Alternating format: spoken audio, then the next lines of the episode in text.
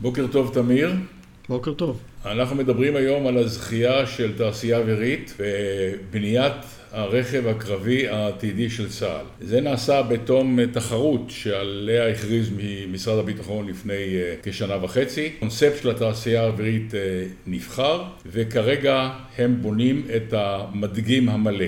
המטרה של כל הפרויקט כרמל הזה היא לספק לצה"ל וגם כנראה לחילות אחרים בעולם רכב קרבי מאויש על ידי שני אנשים שיוכל לפעול גם מאויש וגם בלתי מאויש ולעשות משימות שכרגע לא ניתנות לביצוע על ידי רכבים קרביים כאלה. כן, פרויקט הכרמל היו, יש שני שלבים, השלב הראשון הסתיים ב-2019 ונבחנה בו האפשרות לבצע את המשימות האלה לצוות של שני אנשים, כאשר האוטונומיה שבכלי בעצם ניהלה את מרבית המשימות והצוות אה, נדרש לקבל החלטות, כמובן לתפעל את ציי הלחימה, את הנשק אה, שנמצא בכלי, אבל אה, את מרבית המשימות כמו ניהול הקרב, רכישת מטרות, ניידות, והלוחמים הגדירו את היעדים, את המשימות, מה צריך להשיג, בפועל ביצעו את התפעול של הנשק מול המטרות שהמערכת גילתה.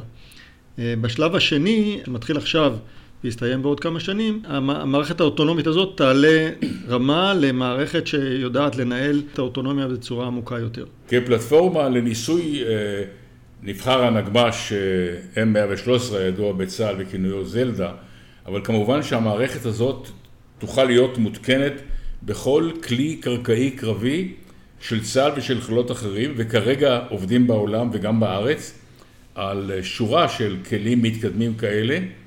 אה, שחלקם מצוידים גם בתחנות נשק אוטונומיות ובטילים כמו טילי הספייק של רפאל. בתום התהליך הזה שעכשיו תעשייה אווירית נכנסת אליו, פול פורס, תהיה למעשה קופסה במרכאות, שתוכל להתחבר כמעט לכל רכב קרבי כזה ולהפוך אותו, כמו שאמרת, גם לרכב אוטונומי שיוכל לבצע מגוון גדול של משימות בשדה הקרב. כמובן שזה מוריד את הסכנה מחיילים, כי הרכב יהיה אוטונומי, אבל יש כמובן לרכב אוטונומי כזה עוד יתרונות רבים ואחרים.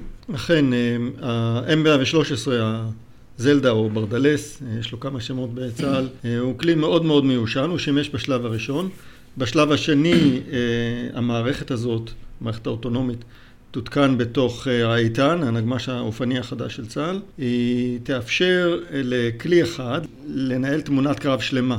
הפעילות האוטונומית הזאת, אה, כפי שאמרנו, כוללת מספר רבדים. אנחנו מכירים פרויקטים דומים בארצות הברית, באנגליה ובצבאות אירופיים אחרים. הפעילות הזאת היא לא מגיעה לעומק שמדובר כאן, כאן באמת מדובר ב...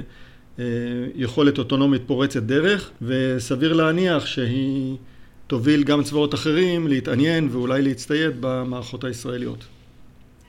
התעשייה האווירית עשתה בשנים האחרונות פעילות רבה בנושא של כלים אוטונומיים. יש להם את הכלי הכבד, הרובטל, יש להם כלי קטן יותר שנקרא רקס, כולם כלים אוטונומיים, ובמהלך פיתוח הכלים האלה, אה, התעשייה האווירית רכשה המון ידע בהפעלה של כלים אוטונומיים, וזה כנראה מה שהביא לזכייתה אה, בפרויקט, שכן גם שתי החברות האחרות, אלביט ורפאל, השיגו קונספט, קונספטים שלהם, וכמו שאמרת, המערכת של תעשייה אווירית מעוררת כבר עניין. יש לציין שהיום נפתחת בוושינגטון תערוכת האוסה של הצבא האמריקאי. אמנם המערכת לא תהיה שם, אבל נציגי התעשייה האווירית, אני בטוח, ישאלו הרבה שאלות לגבי הזכייה ולגבי המערכת שהם מציעים. זהו, עד כאן תמיר, תודה רבה. תודה אריה.